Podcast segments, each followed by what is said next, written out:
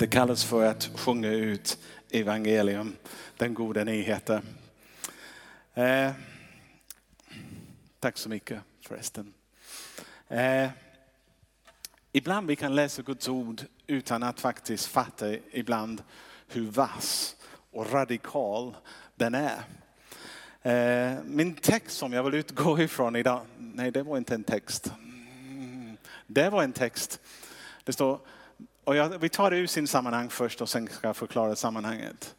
Men Jesus svarade, ni talar alldeles fel eftersom ni varken förstår skriften eller Guds kraft. Visste ni vem han talade till? Ja, dåtidens teologer, sadduceerna och fariseerna som bråkade med honom om vad hände efter döden. Och han är tvungen att säga till de som egentligen representerar Gud eller ska representera Gud att de fattar inte en aning av vad de pratar om. Så radikalt var Jesus när han säger ni som tror att ni kan ordet. Ni som tror att ni kan detta med Gud. Ni faktiskt varken förstår skriften eller Guds kraft. Eh, Herren, jag ber att nu när jag predikar, den texten ska vara levande för oss också, att det ska inte gälla i våra liv. Utan att vi ska vara ordets människa och andens människa. Och, och förstå verkligen vem du är, vad du säger, vad, vem vi är och vad livet handlar om. Så kom helige Ande och bränn dig i våra hjärtan. I Jesu namn. Amen. Min predikan ikväll egentligen kommer bygga på det som Jakob undervisade på, på församlingsmöte förra veckan. Nu jag förstår inte alla ni var, var här, så jag kommer ge lite liten sammanfattning av det. Eh, Jakob gav en fantastisk, tycker jag, föreläsning egentligen om varför denna församling står för Guds ord som den största auktoritet med allt som vi har att lära och leva. Och han gav flera exempel hur också Jesus bekräftade ordet, hur Jesus använde ordet också och eh, hur anden gjorde det. Och jag tänkte, mm, det måste man säga lite mer och bygga lite på. För jag sitter där och, och, och bara nästan ropar ut halleluja flera gånger faktiskt. Tänkte hela mitt liv vill jag vara med i en församling som man kan säga eller uttala de ord utan att man nästan måste känna sig lite, och man, man skäms för det. Men man tror hela Bibeln. Man tror att det är Guds uppenbarade ord för oss för att föra oss till Gud och ge oss liv. Och det finns ingen annan bok som har den påverkan. Det finns ingen annan plats var man kan möta Gud på det sättet som man möter i ordet. Så det, det finns ingen bättre grundsten att lägga i en församling om man vill bygga en församling. Men jag tänkte idag, jag, jag utvecklar det lite grann. Det finns en fast koppling mellan ordet och anden. Eh, de är beroende av varandra. Och eh, när jag säger ordet, jag betyder Guds uppenbarade ord i, som vi kallar för Bibeln. 66 böcker. Vi tar inte med upp, upp, upp. Ja, de, vi tar inte med dem.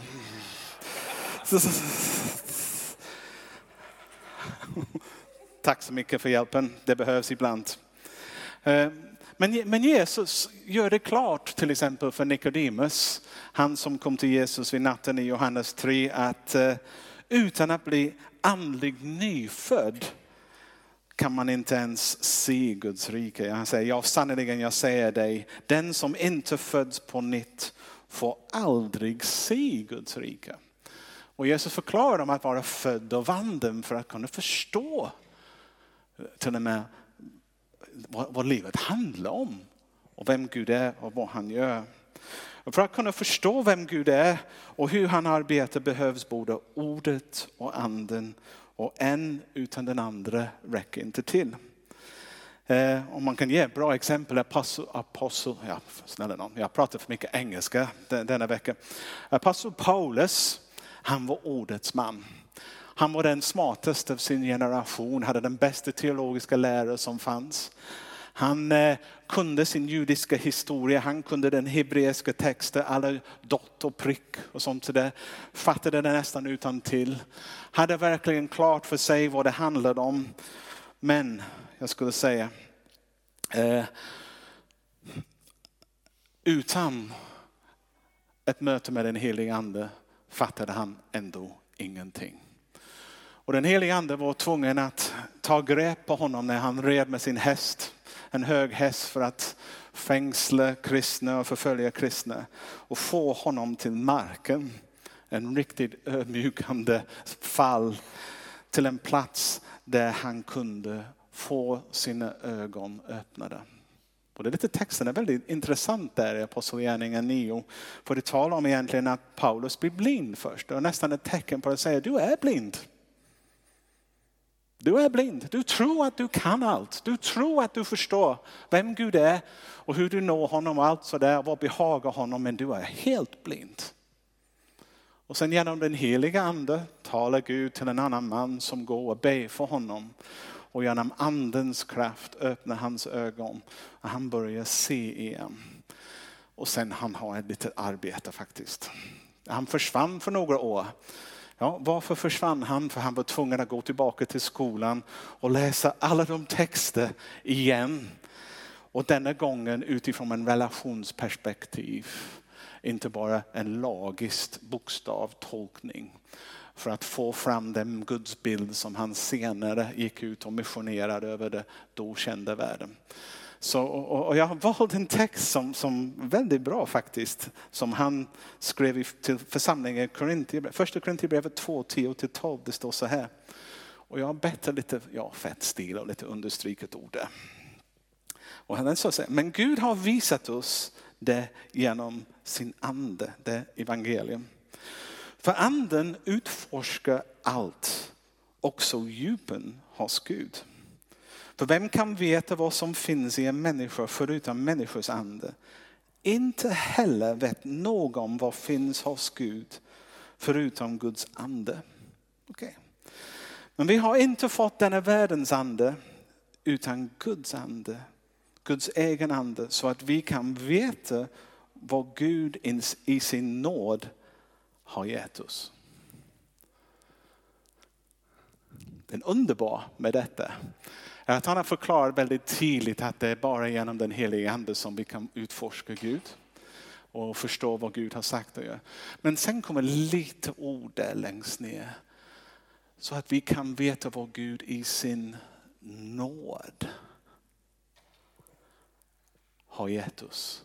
Tänk hela hans gudsbild från en straffande, arg Gud förvandlas till han hade fattat att den Gud som han tillhör, den Gud som han känner, den Gud som han vill tala till andra är en nådfull Gud och en kärleksfull Gud. Han gick på en resa. Han gick på en resa och det förvandlade honom. Den helige Andes främsta uppgift är att leda oss till Jesus och leda oss in i en relation med, med Gud, med Fadern. Och det får vi från Johannes 14, 26, det är som en hjälparen, den heliga ande, som Fadern ska sända i mitt namn. Han ska lära er allt och påminna er om allt jag, det är parentesen min Jesus har sagt det. Det är Jesus som talar. Och han säger till sina lärjungar att när den heliga ande kommer, han ska upplysa er. Han ska verkligen påminna er det, det som jag har sagt och, och allt sådär. Och sen vi kan lägga till det lite, lite senare också i Johannes 16. Och det står, och när han kommer, den helige ande, ska han överbevisa världen om synd, rättfärdighet och dom. Det hoppar över lite. Och när han kommer, han kallar honom för sanningens ande, anden som säger sanningen, ingenting annat. Då ska han leda er in i hela sanningen. Den helige andes uppgift är att leda oss in i livet. Leda, leda oss in i Gud. Eh, oh. Och han ska, tala, han ska inte tala om sig själv utan bara tala det han hör. Och han ska förkunna för er vad som kommer att ske. Han ska förhärliga mig, det är Jesus. För han ska ta av det som är mitt och förkunna för er. Allt som Fadern har är mitt. Därför sa jag att han, anden, ska ta av det som är mitt och förkunna för er. Så här har vi den, eh, den heliga andens funktion. Eh, att ta det som Jesus talade, ta den relation som Jesus hade med Gud och göra det till vår också. Och ni har kanske tänkt, hur vet jag om den heliga ande är sann eller falsk? Har jag en falsk ande? en demon? Är det det som vägleder mig eller är det den heliga ande? Och det är ganska lätt faktiskt att avgöra om det är den heliga ande eller någonting annat som leder oss. För när det, säger han, eh, för, för om du har en andlig vägledare som man möter människor som har dem. De påstår det. Jag pratar med dem ibland som pastor, ganska ofta faktiskt, som säger ja, men jag har en andlig vägledare som leder mig. Men han leder inte dem till Bibeln. Han leder dem inte heller till Jesus. Då vet man att om det inte leder till Jesus, om det inte tar tar den person till att möta med Jesus och den levande guden, det är inte den heliga ande. Om den ande också talar om sig själv och inte hänvisar till det som Gud har sagt. Eller så, då vet man också, det, det stämmer inte någonting här. Det finns någonting som är, är, är fel här som stämmer inte. Och en tredje test är också, märker man att den, den anden vill ha ordet med, vill ha Gud med, vill ha Jesus med och vill försöka få en enhet ur det hela. För den, den heliga ande hela tiden försöker få oss dit. Vad sa du? Den heliga ande försöker få oss dit med Gud, Jesus och ordet tillsammans. Och sen går. Eh. Så ni ser att Fader, Sonen, Anden och Guds uppenbarade ord, Bibeln, hör ihop.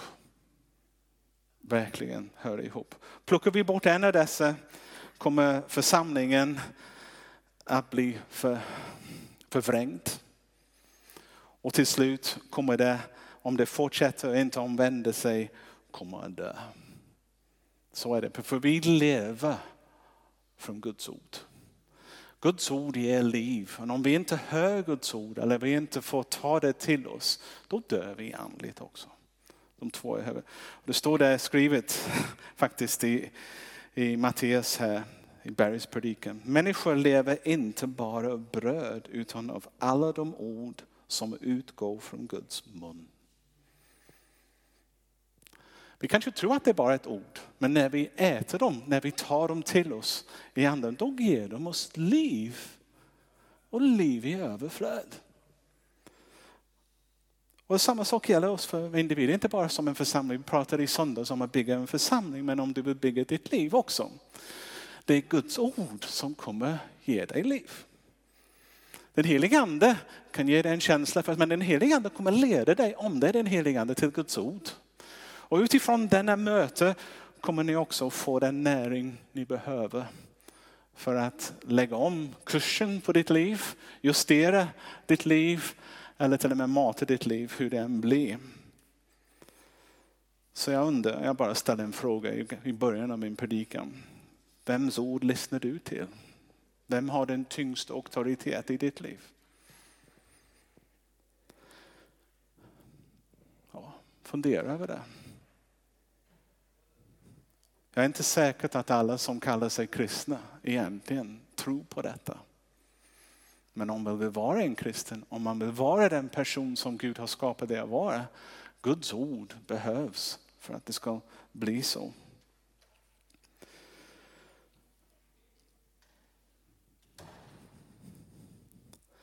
Jag tänker, är du en levande bärare av Guds närvaro?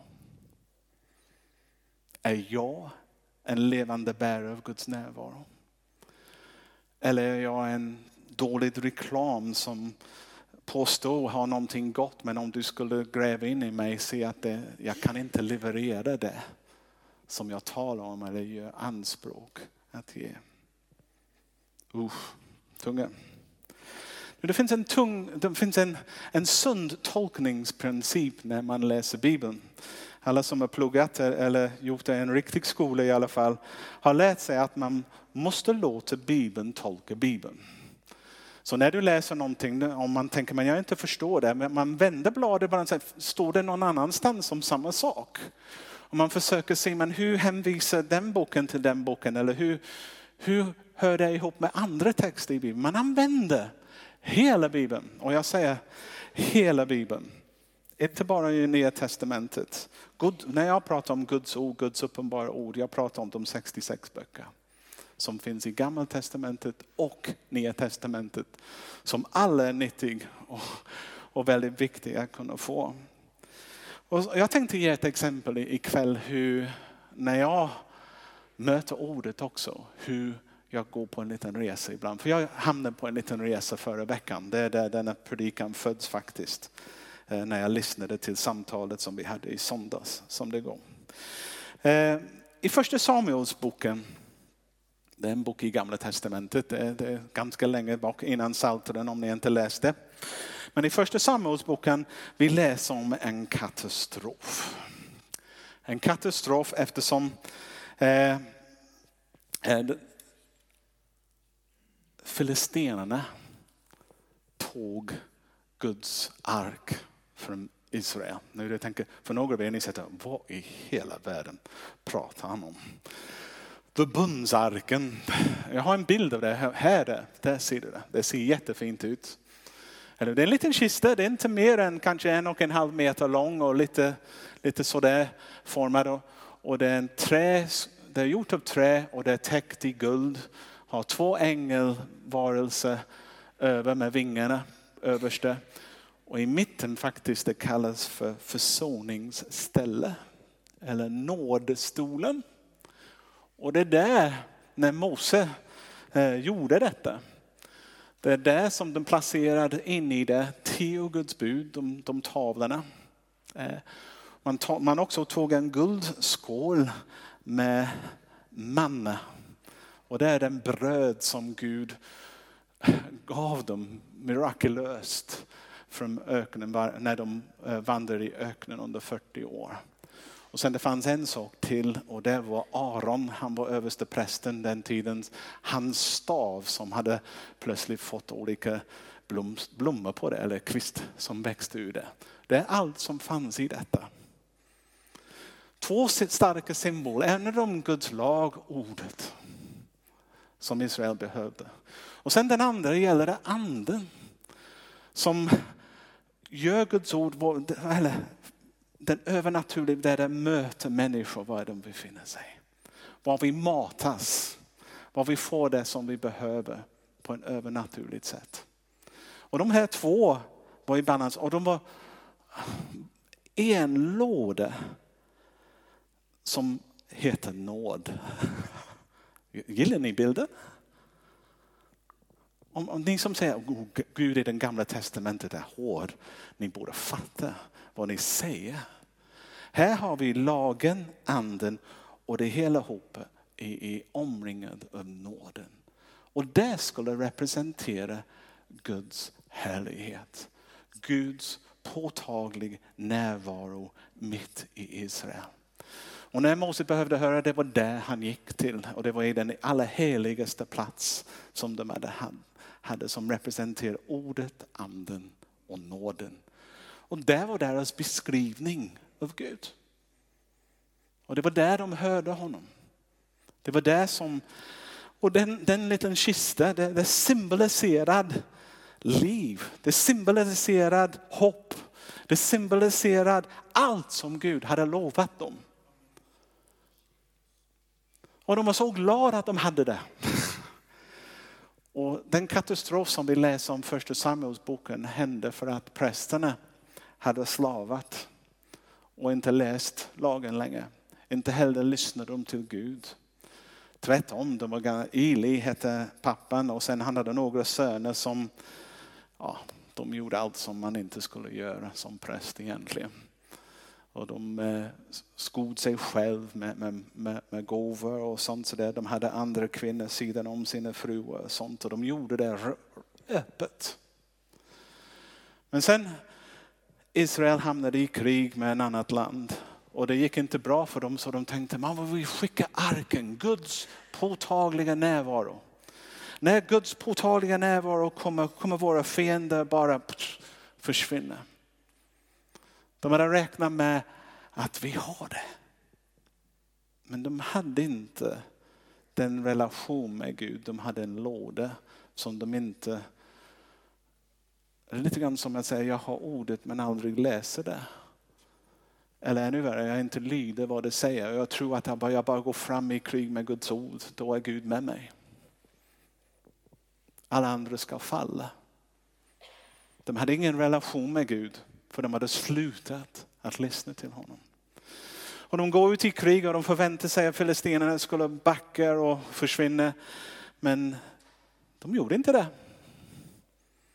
De tog arken istället och fullständigt besegrad Israel. Och till och med döden och prästerna som bar det. Och man kan läsa där om hur, hur katastrofen beskrevs.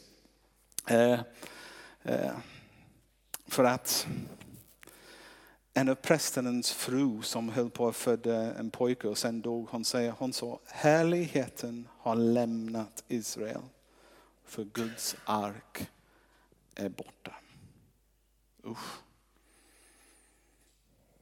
Här, härligheten har lämnat Israel. För Guds ark är borta. Så Israel befann sig, det som de trodde var den, den viktigaste som de behövde, det hade de inte längre. Och med det försvann hoppet. Därför, med det försvann livet också. Och de undrar, vad händer nu? Vad händer nu? Den berättelsen är väldigt spännande, för jag, jag tycker ändå den här lådan, jag kunde ge, nu jag ger hemligheter, i England, om du har växt upp i en evangelikal kyrka, någon gång har du haft en predikoserie om förbundsarken. Och jag lovar dig, det gick kanske 20 veckor. Så som barndom har jag matats med symboliken i alla delar och, och, vad det betyder också och sånt och hur vi ska tillämpa det. Men man har inte sådana predikningar i Sverige längre. Men kanske, kanske de kommer till Linnéakyrkan, man aldrig vet. Man har en engelsman, allt kan hända. Allt, som kan, allt, allt kan hända. Problemet då i berättelsen var att när filistinerna tog Guds ark, eh, det gick inte bra för dem. För plötsligt arken var den påtaglig Guds närvaro som de egentligen inte vill ha. Men om du vill gå en motsatsvägen till den vägen som Gud vill göra, Guds påtaglig närvaro och ingenting du vill ha, eller hur? Om du vill göra någonting som är fel, den sista du vill ha är Jesus sittande bredvid dig när du gör det, eller hur? Eller?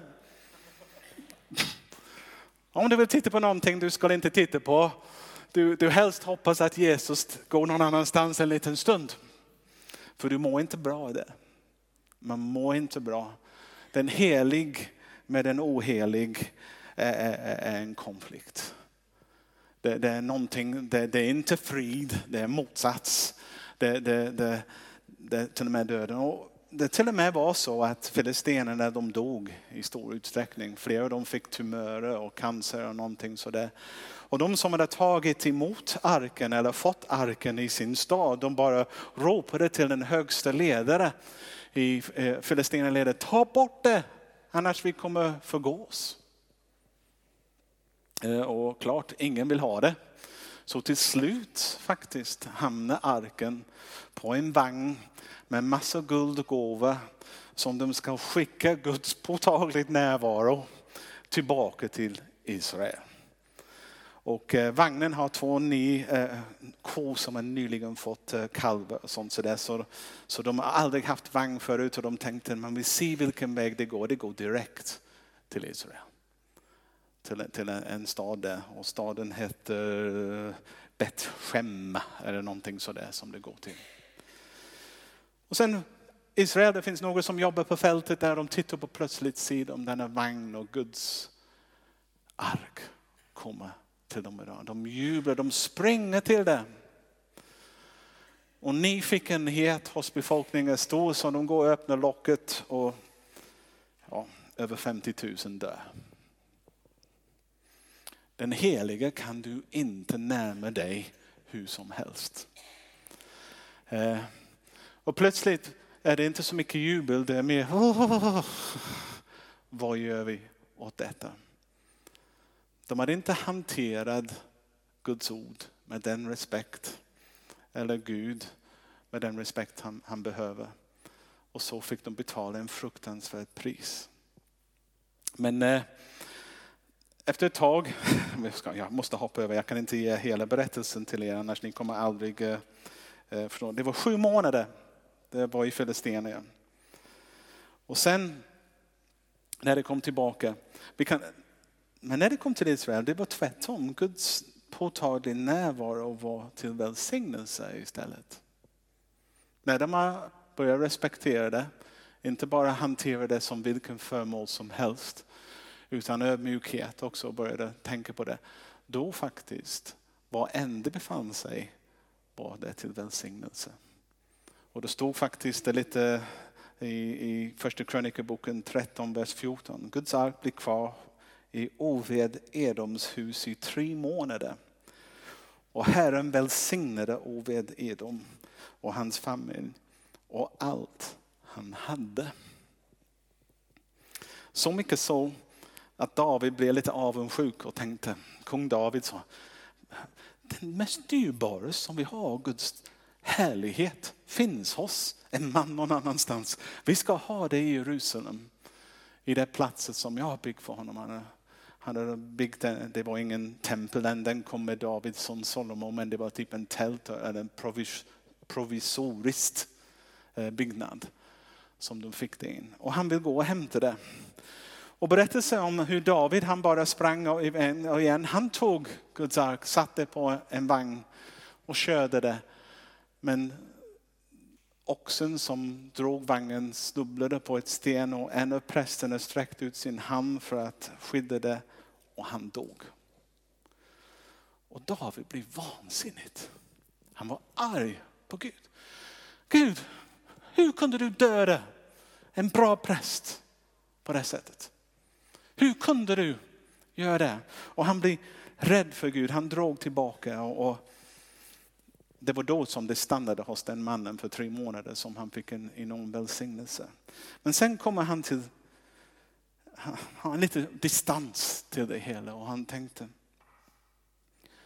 men hallå, i Guds ord finns det beskrivning av hur arken ska behandlas. Det ska inte gå på en vagn, det ska bäras av prästerna. Man ska inte ta ordet och anden och nåden för givet. Så han kallar prästerna och säger nu får ni rena er. Nu får vi kolla på varandra. Vi ska göra det som Gud har sagt det ska gå till. Inte som vi tycker det ska gå till. Vi underordnar oss det som Gud har sagt. Och vi ska föra arken in i Israel igen, in i Jerusalem. Och nu går det på en helt annan takt. Prästerna bär det och de prästerna, jag lovade, de renade sig. De tog ingen chans med någonting. Jag är säkert om jag skulle bära arken, jag skulle gått och bekände mina synder några gånger till. Bara för att vara säker Att det inte fanns någonting i vägen. Jag tror det. De är människor. Och de gjorde, och de faktiskt bara gick sex stycken steg innan de offrade ett djur för försoning. Och sen sex steg till. Och David kom in i Jerusalem dansande i sin underkläder. Ske Av fullständig glädje. För han visste att nu för nationen Israel fanns det hopp igen. Nu för, för, för Israel fanns Gud mitt ibland dem igen. Nu lyssnade Gud, de hade återställt den relation på Guds villkor, inte på hans villkor. Och man, jag har tänkt på det många David, när man läser Bibeln, han verkar vara Guds favorit. Eller? Han, han hade verkligen eh, favör hos Gud i alla fall. Men han fick inte slarva. Han kunde inte förvänta sig, men jag är hans smorde speciellt. Jag kan ha lite, Gud kommer ha lite översyn med mig, med mina brister, med mina synd. Nej, det fick han inte. Det är lite varning för mig. Lite varning faktiskt. Att ibland vi tror att vi är så speciella inför Gud att vi kan faktiskt gå emot vad Guds ord säger ibland och det är okej. Okay. Gud, Gud är nådig. Han förstår. Nej, det är du som inte förstår. Gud förstår vad behövs och det är vi som måste anpassa oss efter honom. Inte honom som anpassar sig till oss. Och det är någonting som kräver en omvändelse, en ödmjukande för vår sida. Vill vi ha Guds påtagliga närvaro i vårt liv? Ja.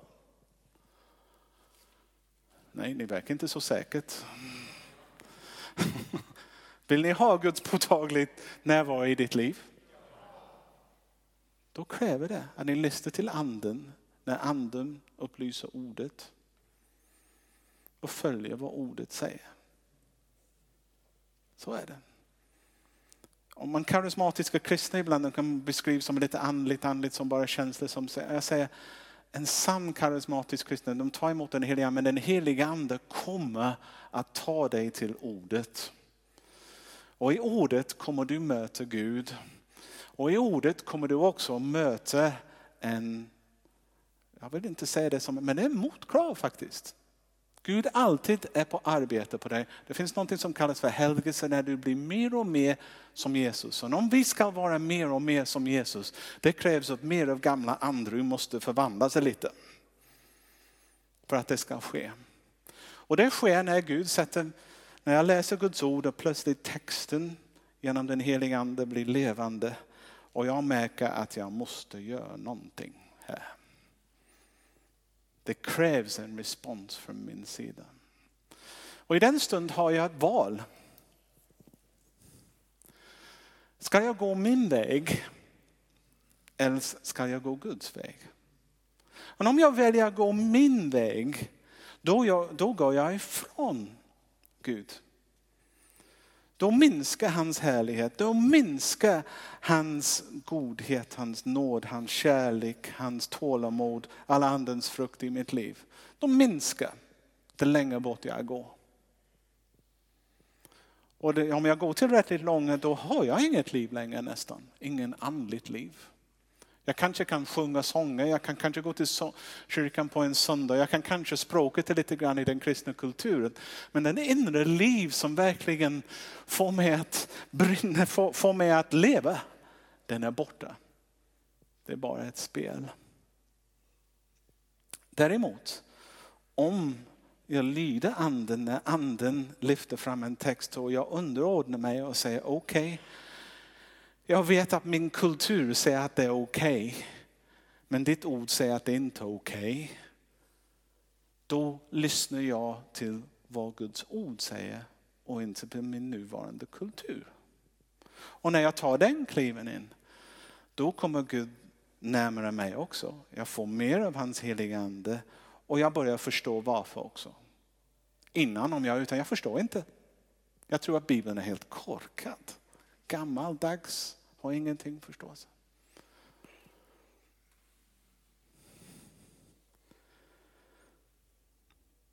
Ordet och anden. Du kan inte följa Guds ande, inte hamna i ordet. Och när du hamnar i ordet, du kan inte undvika att du hamnar på en plats där du måste förändra dig. Eller låt dig förändras. För Gud vill göra om dig. Syndafallet har förstört oss och, och, vi är inte den återspeglande av honom som han vill. För han älskar också alla andra och han vill alla andra ska se att det finns en Gud som är faktiskt ordet och, andra, och nådig. Och han vill använda dig och mig för att kunna göra det.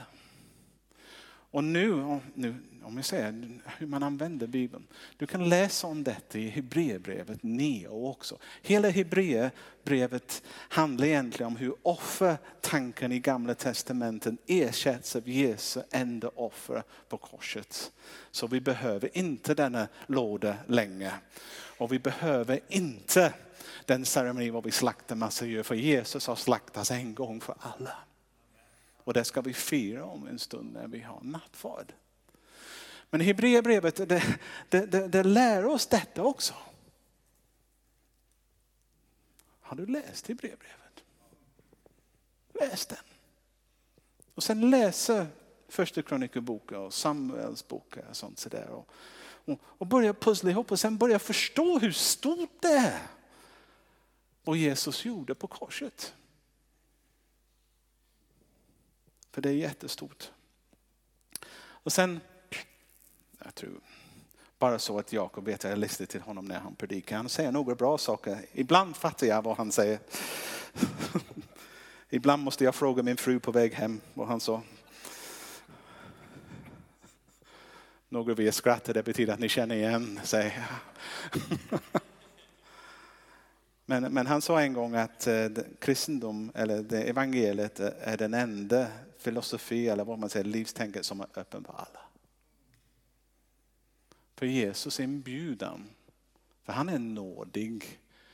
Och evangeliet ska gå till alla. Han vill inte att en enda går förlorad. Han ger oss alla en inbjudan till ett liv och ett liv i överflöd. Och den heliga ande verkar för att få det att ske.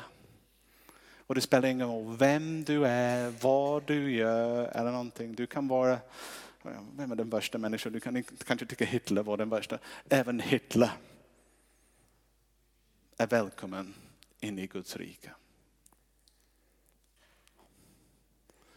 För, han vet, för Gud vet att om Hitler tillåter den heliga ande in i hans liv, den heliga ande kommer leda honom till Jesus var han kommer få förlåtelse. Och när han kommer få förlåtelse, han kommer leda honom också in i ordet som kommer visa Hitler att de saker han gör, de tankar som han har är helt galet. Och han måste förändras. Och sen också Hitler istället för att döda människor, om han går tillräckligt långt kommer även han, om han hade gjort det steget också, kunna vara fylld av Guds kärlek till andra människor, till och med judar, och gjort någonting annat för att välsigna dem istället för att döda dem. Men det avgörande biten är vi öppen till anden. Låter vi honom ta oss på den resan. Och är vi så andligt som vi vill inte ha med ordet att göra? Nej! Det finns en diskussion ibland. Vissa människor är så ordigt. Ord, ord är det, men det står här i skriften, det är så bokstavligt, så andra är så flummig på den andra sidan. Jag säger, om du är ordens människa, den heliga ande genom ordet kommer ta dig för ett levande möte med Jesus också. Och samma sak också. Man möts i mitten ändå. Men det finns ingen annan erbjudan som vi kan gå ut i hela världen och säga Gud älskar dig. Gud har dött till och med så att du får ett evigt liv med, med honom. Han har gett helig ande för att hjälpa dig komma in i det livet som han har lovat. Kom igen. Kom igen. Det var så länge jag tittade på min namnteckning. jag har ingen aning var jag är.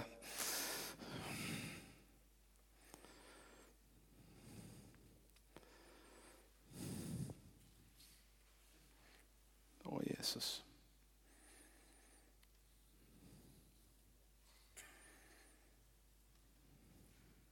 Jag tror jag har sagt den viktigaste.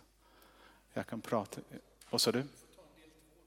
Jag kan ta en del två, jag kan del två, tre. Vi kan göra en serie om eh, arken. Nej, nej, vi är...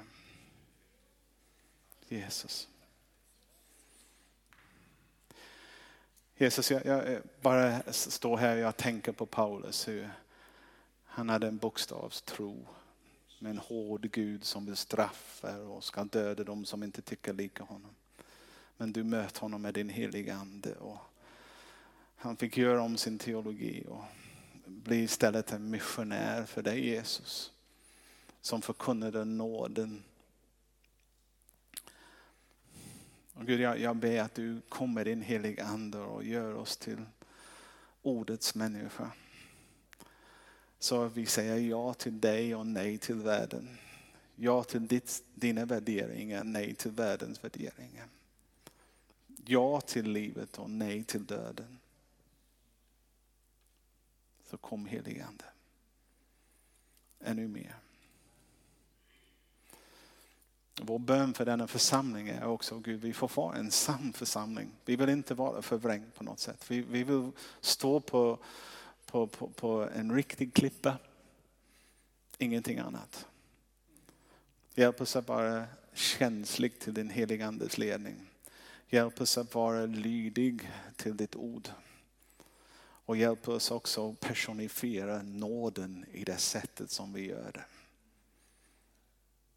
Och jag ber att vi får uppleva att vi lever under dina vingars skugga. Som David skriver om i sin psalm 37. Och njuta av den, de rätter som du serverar. Och uppleva värmen av din närvaro och värmen av ditt hjärta som pumpar i vårt hjärta. För vi upplever att hatet försvinner, frustration försvinner och istället kommer din frid rakt in.